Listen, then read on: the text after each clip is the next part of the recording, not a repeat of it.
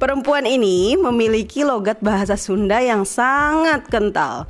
Seringkali huruf P dan huruf F tertukar olehnya. As you know lah ya. Hal ini membuat orang-orang di sekitarnya tertawa dan kesal tiap kali dia menggunakan aksen Sundanya. Nah, selama mengajar di LSI, salah satu kejadian unik yang pernah dialami adalah ketika dia mencoba keju yang dibawakan oleh muridnya sebagai oleh-oleh dan itu pertama kalinya wanita dari desa Cikalong ini mencoba keju guys. Karena kaget dengan rasanya Bu Ainul Mukaromah sampai menangis di depan muridnya. Sejak saat itu dia berjanji tidak akan makan keju lagi. Mau tahu Bu Ainul lebih dekat? Mari dengarkan episode berikut ini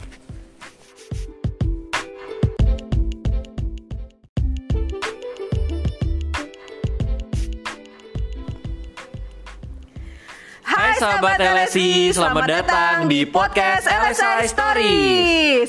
Di season 4 Ngos-ngosan bareng Aji dan Yulian Uh, by the way Ji, bisa dijelaskan kah ngos-ngosan ini artinya apa supaya sahabat LSI tidak berpikiran negatif dulu nih. Oke. Jadi guys, ngos-ngosan ini uh, adalah singkatan yang kami buat karena kepanjangan itu ngobrol-ngobrol santai gitu. Jadi di season kali ini kami berdua mau mengajak kalian membicarakan bukan bukan mengajak sih, mendengarkan pembicaraan yang lebih santai dan topik-topik yang lebih berkaitan dengan apa saja sih yang ada uh, apa aja sih divisi yang ada di dalam lingkungan LSI. Betul begitu Yulian? Ya, serta orang-orang di balik layar dari setiap divisi itu ya, Ji. Betul. Jadi eh, di season kali ini kami akan mengobrol dengan mereka dan mengupas individu-individu yang ada di dalam LSI. Benar. Dan tapi sebelum kita mulai segmen kali ini tidak mungkin saya lupa untuk mengingatkan kalian klik tombol follow atau tombol ikuti di akun Spotify kalian atau di akun Anchor kalian supaya setiap ada podcast season terbaru ataupun episode terbaru kalian bisa langsung mendengarkannya. Begitu? Bener banget. Nah, tadi aku sudah dengar nih Ji di Hmm. pre-segmennya. Aku dengar ini adalah wanita yang berasal dari desa Cikalong. Ya, Tamu eh, kita hari ini ya, Ji. benar. Dari desa Sungai Kelelawar. Iya. Karena Sungai- Ci kan iya, itu bener-bener. sungai kan. Kalau kan kelelawar. Dan beliau adalah instructor, Ji. Oh, jadi tamu kita pertama ini adalah instructor. Bener banget. Wow, Bagaimana kalau kita langsung undang nih? Orangnya udah gatal pengen ngomong. Iya sih, dari tadi udah komat kamit mulut badukun baca mantra. Kumat kami sendirian. Yuk silakan masuk. Silakan masuk. Assalamualaikum. Waalaikumsalam, Mamah Dede. Perjalanan jauh, Mama? Eh, Mama siapa ya? Mama Saya Dede bukan kan ibu ini. Anda. Mohon maaf. Bukan ya. Ya, perkenalkan guys, tamu kita hari ini adalah Ainul Mukaroma. Beliau berasal dari mana, Ibu? Sudah Anda sebutkan? Oh, dari Desa Cikalong. Tapi Desa Cikalong tuh di mana? Kalau boleh tahu tuh. Hmm, di Tasik. Tasikmalaya, Iya. dekat dengan Dekat dengan apa? laut. Dekat dengan laut. Nah, Bu Ain, eh kita nggak usah panggil Bu ya. Gak usah. Ainul, Ainul, silakan diperkenalkan dirinya Ainul. Apa yang ingin kamu perkenalkan atau kamu mau mencari jodoh juga dipersilahkan. Iya, iya, iya. Aduh, aduh, aduh, aduh, aduh. Mau Jadi- promosi. Eh, rasa-rasanya saya tidak eh, tidak perlu memperkenalkan diri ya, sudah diperkenalkan. Sombong Sombong banget, ya, nama eh, nama saya Ain. Mm-mm. Saya ya berasal dari Cikalong. Ya, Terus apa lagi? yang belum disebut dong. Iya, mohon maaf itu mah tadi udah Eh, eh, sudah berapa lama bekerja? Ya di sudah berapa LSI? lama bekerja di LSI dan mau sampai kapan? Saya bekerja di LSI sudah dua ah sudah satu tahun setengah. Wah, Oke. Cukup lama ya. Setengahnya lagi ke mana bu? Setengahnya lagi belum dilalui. Oh belum dilalui. Oke. Dan saya juga tinggal di LSI Kos. Oh, jadi LSI punya kos-kosan ya, Yul? Iya bener, aku juga baru tahu. Keren, keren, keren. Kamu dramanya kurang bagus tapi Yul. Nah, terus ibu ini sudah tinggal di Jakarta berapa lama, Bu? Karena ibu kan dari Tasik nih. Karena kan kamu dari Tasik nih, Ain. Kamu tuh udah tinggal di Jakarta berapa lama? Tinggal di Jakarta mungkin eh satu tahun setengah juga. Hmm, jadi Sebelumnya belum tinggal di Jakarta? Sebelumnya saya tinggal di Depok. Iya bener sih. tetangga tetangganya Jakarta. Iya, iya, iya, iya. Nah berarti di dalam episode ki- kali ini eh, kita berdua bakalan mengupas lebih lanjut tentang Ain nih. Ji. Mm-mm.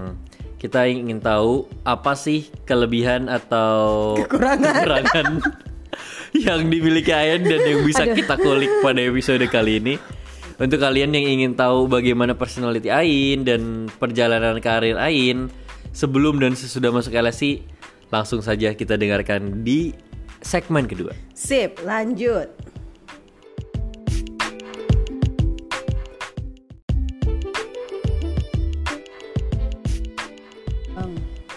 Nah, di segmen kali ini, ini berbeda dengan segmen-segmen sebelumnya yang ada di season 3, season 2, season 1.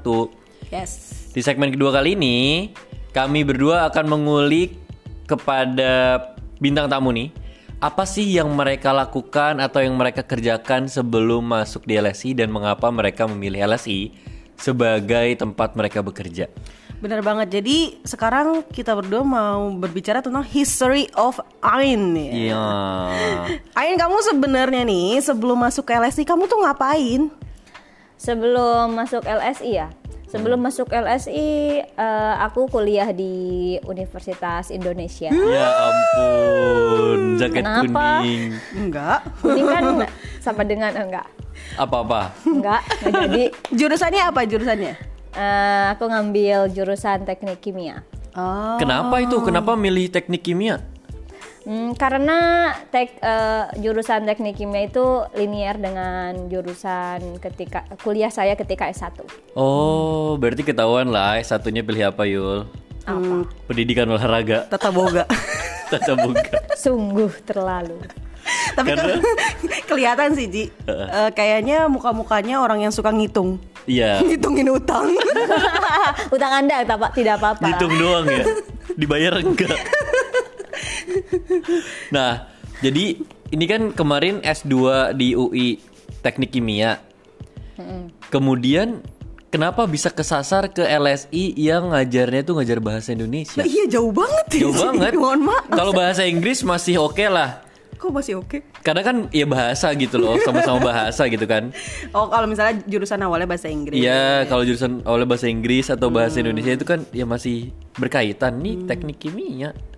Sebentar, kata siapa kesasar? Emang nggak kesasar? Enggak. Oh, enggak, enggak. Emang itu tujuan hidupnya dari kecil itu. Aku mau kuliah teknik kimia, sesudah itu aku mau jadi guru bahasa Indonesia. itu emang udah dia rencanakan dari kecil. Ya, enggak gitu juga. Oh gak gitu, gak gitu. Kirain udah gitu ditulis juga, di notesnya tuh notes yang ditukar-tukar pas SD. Iya, iya, iya. Aku cita-cita mau jadi guru bahasa Indonesia. Tapi kuliah di UI teknik, Teknik kimia. kimia. Duh, not macam apa ya? Saya baru dengar. Iya, di di Cikalong tidak ada. Oh iya, di desa Cikalong, Tasikmalaya itu belum ada not. Masih di batu soalnya nulisnya. Parah banget. Aduh. Kamu nanti di demo sama Oh iya, maaf, maaf. Nanti saya Orang-orang membawa desa saya di- bawa orang-orang sekampung ya ke sini ya. Nanti didatengin orang tuanya lagi.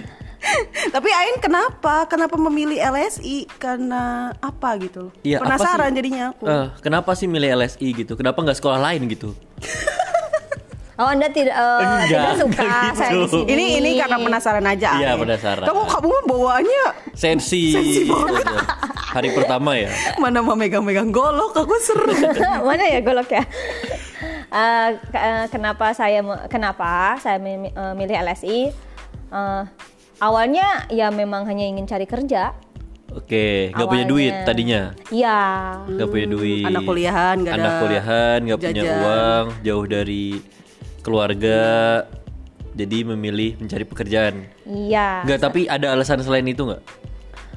Hmm, ya sa- eh, kalau alasan lainnya itu saya oh Jadi sedih. Apa-apa? saya Iya, cari iya. cari ini cari distraksi lah Oh. Distraksi dari apa? Iya, kenapa? dari kebosanan dari ya bosan lah sudah sudah di titik jenuh juga kan ketika kuliah dengan ya segala macam lah yang ada di kehidupan saya waktu itu saya sudah bosan Hmm, sudah ada di jadi titik jenuh jadi ketika ada titik jenuh tuh kamu pasti nyari hal baru supaya nggak jenuh gitu. ya nyari hal yang ya memang yang distraksi lah Berarti ketika kamu di LSI jenuh kamu nyari apa dan? Jadi sebenarnya Ain cari pelarian dulu. Oh, anaknya Eh, anaknya suka lari-lari. suka lari-lari Tapi- dari kenyataan. Eh, memangnya jurusan teknik kimia itu membuat jenuh atau bosan atau gimana? Atau karena di luar teknik kimia itu ada alasan lain? Kalau jurusannya sendiri sih tidak ya sebenarnya tidak membosankan malah ya saya juga lumayan suka dengan angka kan suka menghitung ya walaupun susah begitu tapi ya tekanan lah dari sana sini yang memang membuat saya merasa saya harus saya membutuhkan distraksi gitu Ya saya yang tidak kuat lah dengan tekanan itu waktu itu Hmm, Mau keluar dari tekanan Hmm. dengan mencari tekanan lain. ya kali aja gitu dengan adanya apa dengan bekerja tekanan itu terlupakan gitu. Tapi kenyataannya? Ya tapi kenyataannya ya begitulah. nah tapi kan itu di awal. Tadi di awal dia bilang mau mencari pelarian. Nah sekarang ke sini ke sini bagaimana? Pelariannya udah kesampaian belum? Hah, kesampaian Ya kan tadi maksudnya. nyari peca- nyari pelarian, cari pelarian. Ini pelariannya udah ketemu belum? Nah, kalau di LSI saya eh, saya kan nggak diajarkan untuk berlari kan Asik. kalau di LSI, tapi harus menghadapi. Asik, gitu. asik, asik, asik. Keren sih. Nah, jadi kan saya eh, udah tahu sudah tahu kan kalau aku tuh ngelepas eh, UI kan. Wah Kamu ngelepas? apa? Begitu Iya, saja? Saya ngelepas UI. di saat Dadah, aku begitu. sendiri tidak bisa masuk ke sana dulu. Iya di saat aku aku juga nggak pernah daftar ke sana sih. Ya, ya pantas sih. Ya, Apa tuh yang memutus yang membuat kamu memutuskan melepaskan S2 kamu di UI? kalau di eh, apa ya? Saya aku tuh milih LSI ya. Di LSI kan sekolah kehidupan jatuhnya. Wih, Kalau jadi di UI lebih memilih kerja ya. Iya, saya memilih kerja. Padahal kalau dia terusin teknik kimianya mungkin dia sekarang bisa kerja bareng Elon Musk. Ya kali. ya kali. Eh, Jualan mask. Masker. ya kali. Ya kan gak ada yang tahu kan? Iya, memang nggak ada Tapi yang tahu. eh, menyesal tidak memutus memutuskan untuk tidak melanjutkan S2 di UI itu. Enggak sih, enggak nyesel. Jadi uang yang udah kebuang-buang udah nggak masalah tuh. Enggak masalah. Asik. Masalah. masalah apa nggak masalah? Nah, hmm, aku tuh malah tambah penasaran nih sama eh, tamu kita kali ini Ji. ya. Soalnya hidupnya tuh kayak banyak belokannya ya. Ups and down, suka dan dukanya tuh ada-ada aja gitu kan. Di Gimana? saat orang lain mau kuliah di sana, dia Mau pergi dari sana. Pergi dari sana.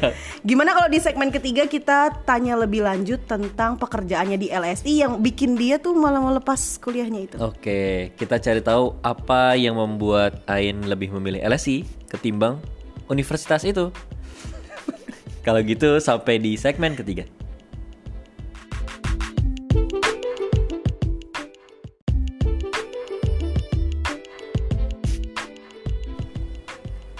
Nah di segmen sebelumnya Ain kan sudah menginformasikan kalau dia akhirnya tidak menyelesaikan kuliahnya dan eh, berfokus untuk melanjutkan pekerjaannya di LSI. Betul. betul. Padahal awalnya itu cuma distraksi yang dia cari di kebosanan berkuliah.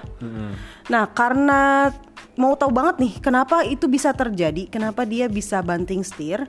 Bagaimana kalau kita dengerin dulu Ji? Apa sih pekerjaan dia dan yang bikin dia tuh betah? di LSI. Betul. Sampai-sampai dia ninggalin kuliahnya, kuliahnya itu. Bener-bener. Tolong dong buat Orangnya masih di sini kan? Mohon maaf.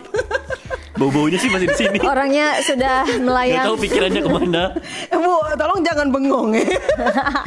Kita susah nyari ustadznya daerah sini. Udah, udah, udah, udah. Jadi eh, Ain kamu eh, sebenarnya apa aja sih yang kamu kerjain di LSI? Hmm, yang saya kerjain di LS itu eh, yang pertama sih ngajar ya udah pasti ngajar ngajar ngajar bule ya Oh masa sih?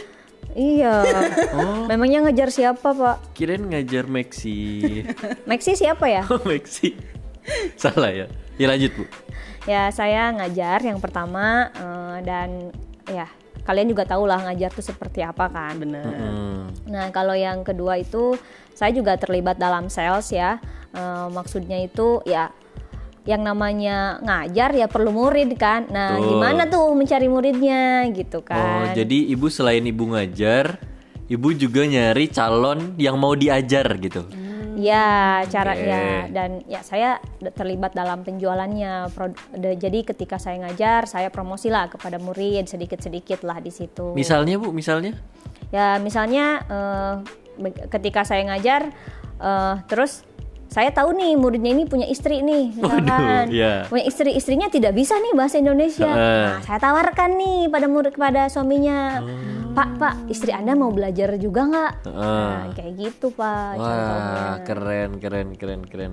Jadi Ain ini udah jadi guru, dia juga jadi pedagang, ya kan? Oportunis. Oportunis, selalu mencari kesempatan dalam kesempitan. Mem- oh, memangnya anda tidak ya? Ini semuanya sih ya. Ada lagi Ain yang kamu kerjain selain itu? Ah, selain itu juga aku tuh eh, terlibat dalam pengembangan kurikulum sih. Widih. Keren banget. Misalnya kayak gimana itu? Hmm, ya namanya juga guru kan ya. Hmm. Eh, kalau ngajar ya harus tahu apa sih yang mau diajarkan. Asik, Iya. asik, asik, Kalau kalau ya istilahnya ketika ngajar kan tahu tuh apa yang kurang atau ap- apa hal apa yang bisa ditingkatkan. Nah, itu kan perlu dikembangkan lah kurikulum. Oh, jadi eh Ain ini sebenarnya Yul selain dia ngajar, dia nyiapin materi supaya pengajarannya itu semakin baik gitu ya, supaya murid lebih cepat menangkap materi yang disampaikan atau lebih cepat dalam memproses sesuatu yang disampaikan di dalam kelas. Begitu kan? Bener banget. Kayaknya banyak banget kerjaannya. Banyak banget sih. Wah, capek banget nih kayaknya si Ain sih. Tapi kamu dengar gak sih dari yang tadi dia omongin? Kayaknya orangnya oportunis sih. Biasanya dari orang-orang oportunis itu mereka selalu punya target-target kan. Keren. Kayak kerjanya pasti mau ada target yang khusus nih. Heeh. Dari muka-mukanya nih. Pasti ada nih. Tolong Ada ya? tolong dong, tolong Enggak, dong. ada. Yaudah kalau enggak ada boleh pulang. apa apa contoh target yang di yang ditargetkan dalam waktu dekat ini Hmm, target aku yang paling dekat itu sebenarnya ini lifetime. Tahu nggak lifetime itu? Apa tuh? apa tuh Uh, lifetime itu jadi banyaknya program yang murid beli ya, Heeh. Uh, khususnya de- ketika belajar dengan saya Iya. uh, dalam waktu empat bulan. Ya, Hmm. begitu. Jadi tuh misalnya gini, ada murid A, dia belajar atau dia membeli program tiga kali dalam waktu empat bulan. Itu berarti lifetime kamu akan bagus gitu. Ya, Oh, jadi kamu berusaha membuat murid cepat belajar supaya programnya cepat selesai, supaya lifetime kamu juga membaik. Ya dan saya Hmm. juga uh, dan ya saya juga berharapnya mu- murid belinya lebih dari tiga program sampai empat program, lima program gitu kan. Oke. Nah kalau murid uh, semakin banyak murid membeli program program dan dengan saya uh, pengajarnya ya semakin tinggi juga lifetime saya begitu. Oh, begitu yuk. Hmm, kamu jadi- begitu nggak? Eh, aku sih murid-murid aku emang udah teken kontrak sama aku. Wadah. Dua tahun. Rahasianya sekarang murid kamu sama ya? rahasianya apa tuh bisa tekan kontrak? rahasianya apa? Janganlah nanti. Ya, namanya rahasia. Nanti dicontek sama dia. Namanya rahasia, kok nanya rahasianya apa? Enggak, pasti caranya beda-beda kan. Ya, betul, betul, betul. Nah, selain itu, selain target kamu nih, kamu punya proyek yang sedang kamu lakukan nggak dalam masa atau dalam seminggu atau dua minggu terakhir ini? Iya, soalnya Aji tuh selalu pamer di sini. Dia orangnya banyak proyek. Itu dulu, tapi oh. Iya, sekarang udah nggak ada. sekarang lagi kosong. kamu gimana Ain? Kayaknya soalnya aku tuh jarang banget ngeliat kamu. Kayaknya kamu tuh sibuk banget. Heeh. Ya Tolong dong, kamu aja yang sibuk. tolong dong, apa dong? Proyek Kalau proyek yang Bagi-bagi sedang saya kerja, yang sedang aku kerjain tuh proyek ini TLMS. apa itu?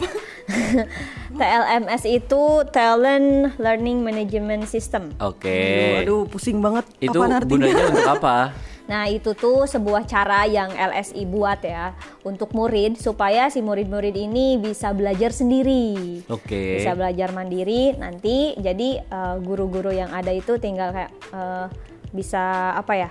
melatihnya ya, melatih murid dari hasil belajarnya itu. Nah, tugas saya, tugas aku di sini itu Hmm. lebih ke mengecek di bagian kayak fitur-fiturnya, terus Oh. ada dari ya uh, apa namanya konsep-konsepnya, Hmm. apakah ada yang kurang, apa, atau apakah ada yang bisa ditingkatin kayak gitu. Oh, jadi sekarang ini fokusnya ke testing aplikasinya Betul. supaya ketika dipasarkan itu memasarkan eh, hasil yang terbaik gitu ya. betul. Wah, siap, Jadi siap. ini kayak aplikasi untuk belajar sendiri gitu ya. Ya, Hmm. tunggu saja ya. Sebentar lagi juga akan launching. Wah, gak sabar sih.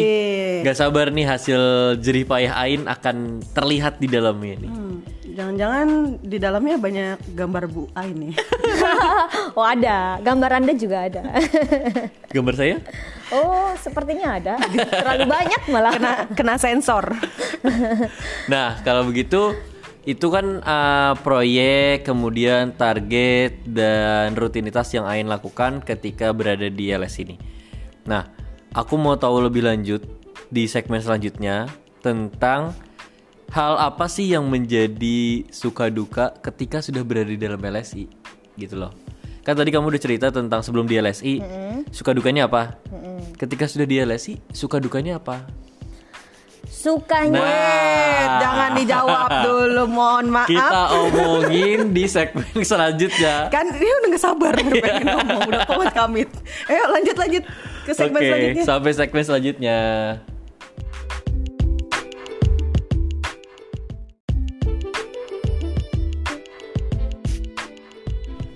Buain. Ya. Nah, tadi kan dari segmen kedua, segmen ketiga kita kita udah dengar ini kisah dari Ain ini tentang gimana dia meninggalkan UI, kemudian pekerjaannya di LSI, Iya, job Nah, desk-nya. job desk-nya benar. Nah, di segmen keempat kali ini kami ingin bertanya lebih dalam lagi kali ya istilahnya. Ya, lebih dalam lagi tentang eh, yang tadi itu loh Ji, alasan mengapa beliau memilih bekerja daripada menyelesaikan kuliahnya. Mm-mm. Karena kan itu kayak eh, tadi masih gantung ya. Kita tuh pengen mengupas lebih dalam. Kenapa sih alasannya? Karena kalau aku pribadi ya Ji, aku akan mencari distraksi atau melarikan diri dari hal yang tidak aku suka. Bener. Lah berarti dia nggak suka dong sama kuliahnya. Apa dia jangan-jangan gak suka dengan Hidupannya. Makanya lebih baik kita tanya orangnya langsung nih. ya tolong Gimana? Tolong di- ceritakan. Hmm, kalau ya lebih spesifiknya sih aku tuh dulu ya hidup selama bertahun-tahun itu hanya untuk memenuhi ekspektasi orang lain. Dan ya lelah, capek. Padahal kan udah jelas kan, saya tuh eh, aku tuh punya ya punya otak ya I- untuk Eh, iya. mikir nggak gitu kan. Enggak apa-apa Ji. punya otak kan tapi masih aja kan memenuhi eh, hidup tuh memenuhi untuk memenuhi ekspektasi orang lain jadi ya kapan sih mau merdekanya Asik. kapan sih mau ngerasain bahagianya Aduh, gitu bener. ya bener, saya bener. ya lelah lah capek banget lah itu Emang ekspektasi siapa sih eh, Ain yang kamu coba penuhi itu? Ekspektasi orang-orang ya di sekitar saya di sekitar ya lingkungan mau itu mau itu lingkungan lah orang-orang semuanya Semuanya apa ya? Seperti memberikan beban kepada kamu. Kamu harus kamu harus kayak gini Ain. Kamu Ya. harus kayak gitu Ain. Ya mungkin sebenarnya mereka tidak berniat ini ya, tidak berniat memberikan beban. Cuma akunya aja yang ngerasa itu tuh beban gitu. Mereka berharap "Eh, aku tuh harus kayak gini, harus kayak gitu. Nah, padahal kan eh, kalau saya eh, aku sih nggak tahu sih di situ ada paksaan atau enggak gitu kan. Tapi aku ngerasa itu tuh se- sebuah keharusan yang harus aku capai, yang harus aku capai gitu. Tapi itu sejak kapan Ain? Sejak kapan kamu tercerahkan untuk berpikir oh aku mau jalanin hidup aku sesuai dengan keinginan aku sendiri, tidak mau mengikuti ekspektasi orang lain. Karena sejak kapan? karena nggak mungkin kan dia tiba-tiba bisa Bangun tidur. Oh, aku harus menemukan jati diriku sendiri. Iya, dapat ilham. Gak mungkin. Eh, menyadarinya itu sebenarnya awalnya ketika training di LSI. Waduh. Nah itu mas itu awalnya aku nyad- eh, nyadar kalau aku tuh selama ini hidup hanya untuk meng- apa memenuhi ekspektasi orang Ya lain, ampun.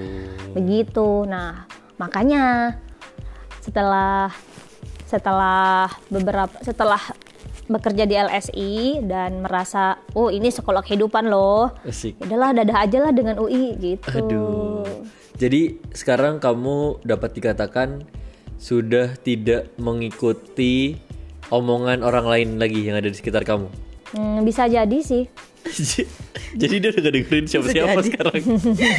Jadi sebenarnya eh, apakah sekarang adalah kehidupan yang memang sudah kamu inginkan kamu jalani? Nah, nah itu tuh bener tuh. Kalau sampai situ sih belum ya, belum sampai. Oh ini loh J- yang Jadi ini kehidupan keinginan siapa? Bukan keinginan kamu, bukan keinginan orang lain. Ya pilih setidaknya pilihan-pilihan yang aku buat itu sekarang memang atas dasar oh ya itu tuh mau mau aku mau aku gitu loh. Oke. Tapi kan eh, kalau masalah kehidupan ya saya kan mau eh, semua orang juga maunya kan wow gitu. Belum Oh, sampai sih belum sampai situ. Oke, jadi sekarang itu udah ada di titik di mana kamu ya setidaknya bisa memilih apa yang kamu mau lakukan. ya betul. Nah, berarti dari hal-hal yang tadi Ain bicarain, aku ngelihat kayak dari awal dia masuk dan sekarang itu udah ada perubahan-perubahan yang dia rasakan ya. Bener. Tadi Bahkan aja dapat dari training ya. iya bener. Berarti ibaratnya tuh dari langkah pertama Ain masuk LSI, dia tuh udah ada satu hal yang tercerahkan gitu loh. Dari yang sebelumnya ya menurut dia mungkin harus kuliah supaya menyenangkan eh, keputusan atau eh, ke- apa menyenangkan beberapa pihak tapi dia bisa mengambil keputusan untuk nggak aku udah saatnya untuk begini aku udah saatnya untuk memilih jalan ninjaku sendiri gitu Jalan ninja. Wow. Menjadi Hokage. Iya Tapi Ain ada lagi perubahan-perubahan lain yang kamu rasakan semenjak kamu bergabung dan bekerja di LSI itu. yang pal eh, yang paling signifikan sih ya di situ ya Eh, apa namanya ya, ya Ain yang dulu tuh suka lari mencari distraksi kan. Lari dari kenyataan dari dis- menc- sampai harus ada distraksi gitu. Nah sekarang tuh semenjak aku ada di LS itu LSI ngajarin aku kalau "Eh, kenapa harus lari? Kenapa nggak kamu hadapi kamu lihat apa sih sebenarnya masalahmu itu gitu kan? Oke. dan di situ oke aku lihat ke dalam apa sih sebenarnya masalah utamanya? Dan ternyata memang eh, masalah utamanya itu aku yang bodoh. Ya kenapa harus bod kenapa dengan bodohnya mau ngikutin apa yang orang lain apa apa eh, kenapa eh, de- apa begitu bodohnya saya aku ini harus ngikutin apa yang orang lain inginkan gitu. Sekarang sudah sadar ya makanya saya eh, makanya saya bisa ngomong kayak gini karena saya sudah sadar. Ya ampun. Udah pintar berarti sekarang. udah mudah-mudahan. Masih bodoh masalahnya. Tapi jujur aku aku sih ngelihat hal ini sebagai apa ya pasti hal-hal yang relevan dalam kehidupan di luar sana gitu loh. Karena yang namanya eh, tuntutan lingkungan itu pasti selalu ada kan Yul? Iya, benar banget. Nggak- Aku juga. iya nggak cuma Ain gitu loh. Setiap orang punya punya apa ya tekanan hidupnya dari lingkungan itu. Punya tekanan-tekanan tersendiri. Tapi Ain ini udah punya satu jalan gimana dia mencoba keluar dari tekanan itu perlahan-lahan atau mencoba mengkonfrontasi masalah yang dia miliki dan istilahnya kalau dia tadi bilang tidak lari terus menerus gitu loh benar. Dan keluar dari ekspektasi orang lain ya.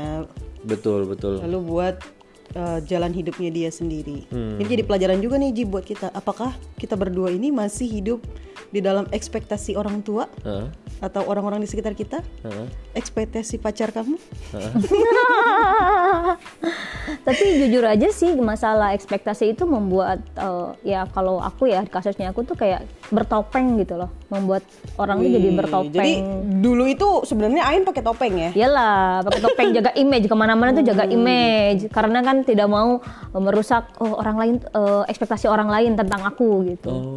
Ketika orang lain berekspektasi oh Ain tuh orangnya tuh yang baik, Ya yang ampun, super apa ya gitu. ampun. Ya, Dia belum tahu aja si sih. ya. Ainnya ini, si akunya ini malah menunjukkan ya menunjukkan apa yang mereka ucapkan Oh. gitu, bukan menjadi Ain jadinya, tapi Hmm. Ain dengan topengnya gitu. Di satu sisi hal itu ada baiknya. Kok aku ngeliatnya jadi kayak dia yang dulu itu pengennya dilulukan ya? iya. Tapi jujur sih kayak sebenarnya ya cerita-cerita yang semacam ini tuh membangun tapi tetap menyedihkan gitu loh karena proses-prosesnya. Nah iya makanya aku tuh mau nanya sama Ain Kayak kan tadi perubahan dia banyak tuh Dalam menjalani perubahan itu nggak mungkin suka doang Pasti ada momen-momen dukanya juga kan Yang bikin dia berdarah-darah Betul. Ada nggak Ain? dukanya Yang paling bikin kamu "Ah, aku nih capek banget kayak Ya gini. dalam berproses itulah Aku tuh udah nggak bisa lagi nih kayak gini nih. Hmm, ya ada sih itu.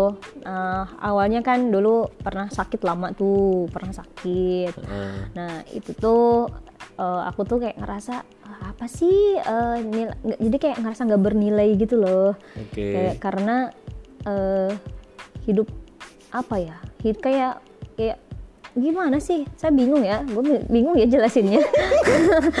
Wah ini udah berkaca-kaca lagi Heeh. Enggak lah. Ya istilahnya saya ngerasa bersalah ke mana-mana gitu. Karena kan yang or- orang sakit nggak produktif kan. Diem aja kan, nggak produktif lama dan malah ngabisin istilahnya udah dewasa masih aja eh, ngabisin uang orang tua berobat ke sana kemari ke ke sana ah berobat udah ke mana-mana gitu kan tapi nggak ada ujungnya kan jadi ngerasa ngerasa kalau saya kalau aku tuh ya memang nggak ada nilainya gitu sampai kayak ngedoa oh ya Allah eh, kalau kayak gini terus ya udahlah eh, mending ini aja gitu. Tahu kan maksudnya? Terbang. Ya sudahlah gitu. Mending cabut saja nyawa saya kalau Ya memang harus kayak memang harus dalam keadaan seperti Serem itu. Sedih ya banget. dulu dulu ya dulu. Tapi itu jadi momen titik balik kamu nggak? itu tuh masih belum ternyata masih belum menjadi momen titik balik banget. Belum ya. Belum. Cuma dari situ tuh dari situ eh, nyari apa ya nyari sesuatu yang malah ny- salahnya saya salahnya aku tuh ya malah nyari sesuatu yang bisa apa sih eh, apa sih hal yang bisa membuat orang-orang di sekitar aku tuh eh, seneng gitu. Karena kan udah berapa tahun kayak beberapa eh, dua tahun lah sekitar dua tahun mungkin sakitnya itu kayak membuang-buang waktu orang lain dan membuang-buang waktu sendiri juga gitu kan kesannya. Jadi kayak nyari sesuatu yang memang bisa membuat orang lain tuh ngelihat eh, ya seneng lah gitu. Hmm, Oh Ain- itu awalnya Ain mau menyenangkan orang lain. Nah, masih masih mau menyenangkan orang Tapi lain. dukanya ketika kamu berproses di LSI bagaimana? Kan kamu mengalami perubahan-perubahan itu, dukanya ada. eh dukanya juga itu jelas ada ya. Eh, pas ketika saya mutusin untuk ngelepas ngelepas UI nah itu tuh ya pas tahu sendirilah tantangannya dari sana sini banyak kan. Kenapa? Kenapa harus kenapa harus put apa udahan gitu kan kuliah? Kenapa nggak lanjut aja? Sayang banget loh tinggal segini doang gitu kan. Eh, terus ya ya udah akhirnya ya ketika itu itu adalah ini hidup ini hidup saya. Ini eh, ini hidup saya saya mau saya mau merdeka seperti kata mentor saya itu hid- apa namanya lebih baik eh, hidup merdeka satu hari daripada 100 hari menjadi budak di sini kan budak ekspektasi ya Oh iya, bukan budak beneran ya. bukan Bukan budak cinta juga atau bucin. bukan terus ada hal yang saya sedihkan sih sebenarnya sekarang sekarang ini gitu Kenapa kan? Kamu kayaknya mau ini ya, confess. Gak apa-apa, gak apa-apa, gak apa-apa. Ah. Curcol dia kayaknya nih. Ya, silakan silakan. ada hal yang membuat aku sedih tuh ya akhir-akhir ini tuh eh, LSI kan sekolah kehidupan ya seperti yang sudah aku bilang sebelumnya tapi kok kenapa akhir-akhir ini tuh aku tuh nggak berprogres Oh, masa sih? iya itu tuh sedih gitu buat buat buat aku tuh ya itu sedih ya Eh, apa ya namanya dan karena tidak adanya progres ini gitu dalam beberapa bulan ini apa ya malah menghambat teman-teman gitu dan hal itu tuh ya memang sangat disesalkan lah Hmm, tapi kamu udah melakukan cara-cara eh, untuk mengubah itu semua kan? ya eh, aku sed- sekarang sedang mencoba beberapa cara yang ya untuk mengubah hal itulah Ya, semangat ya Ain. ya terima Semangat kasih Ain, ya ampun, aku denger dengernya tuh antara Oh, mata kamu bermirror-mirror. iya, makanya kan. kayak sedih karena ya Kamu ternyata- sedih tapi dari tadi kamu ngetawain Ain. Mohon maaf.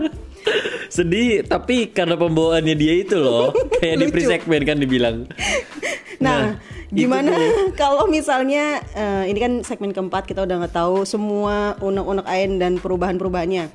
Di segmen kelima bagaimana kita memberikan kesempatan untuk Ain memberikan eh, sedikit eh, kata-katanya lah untuk para Pendengar. LSI, pendengar LSI Iya. eh, untuk bagaimana bagi mereka yang masih di dalam jerat ekspektasi orang lain. Hmm, baik, kalau begitu kita lanjut di segmen kelima.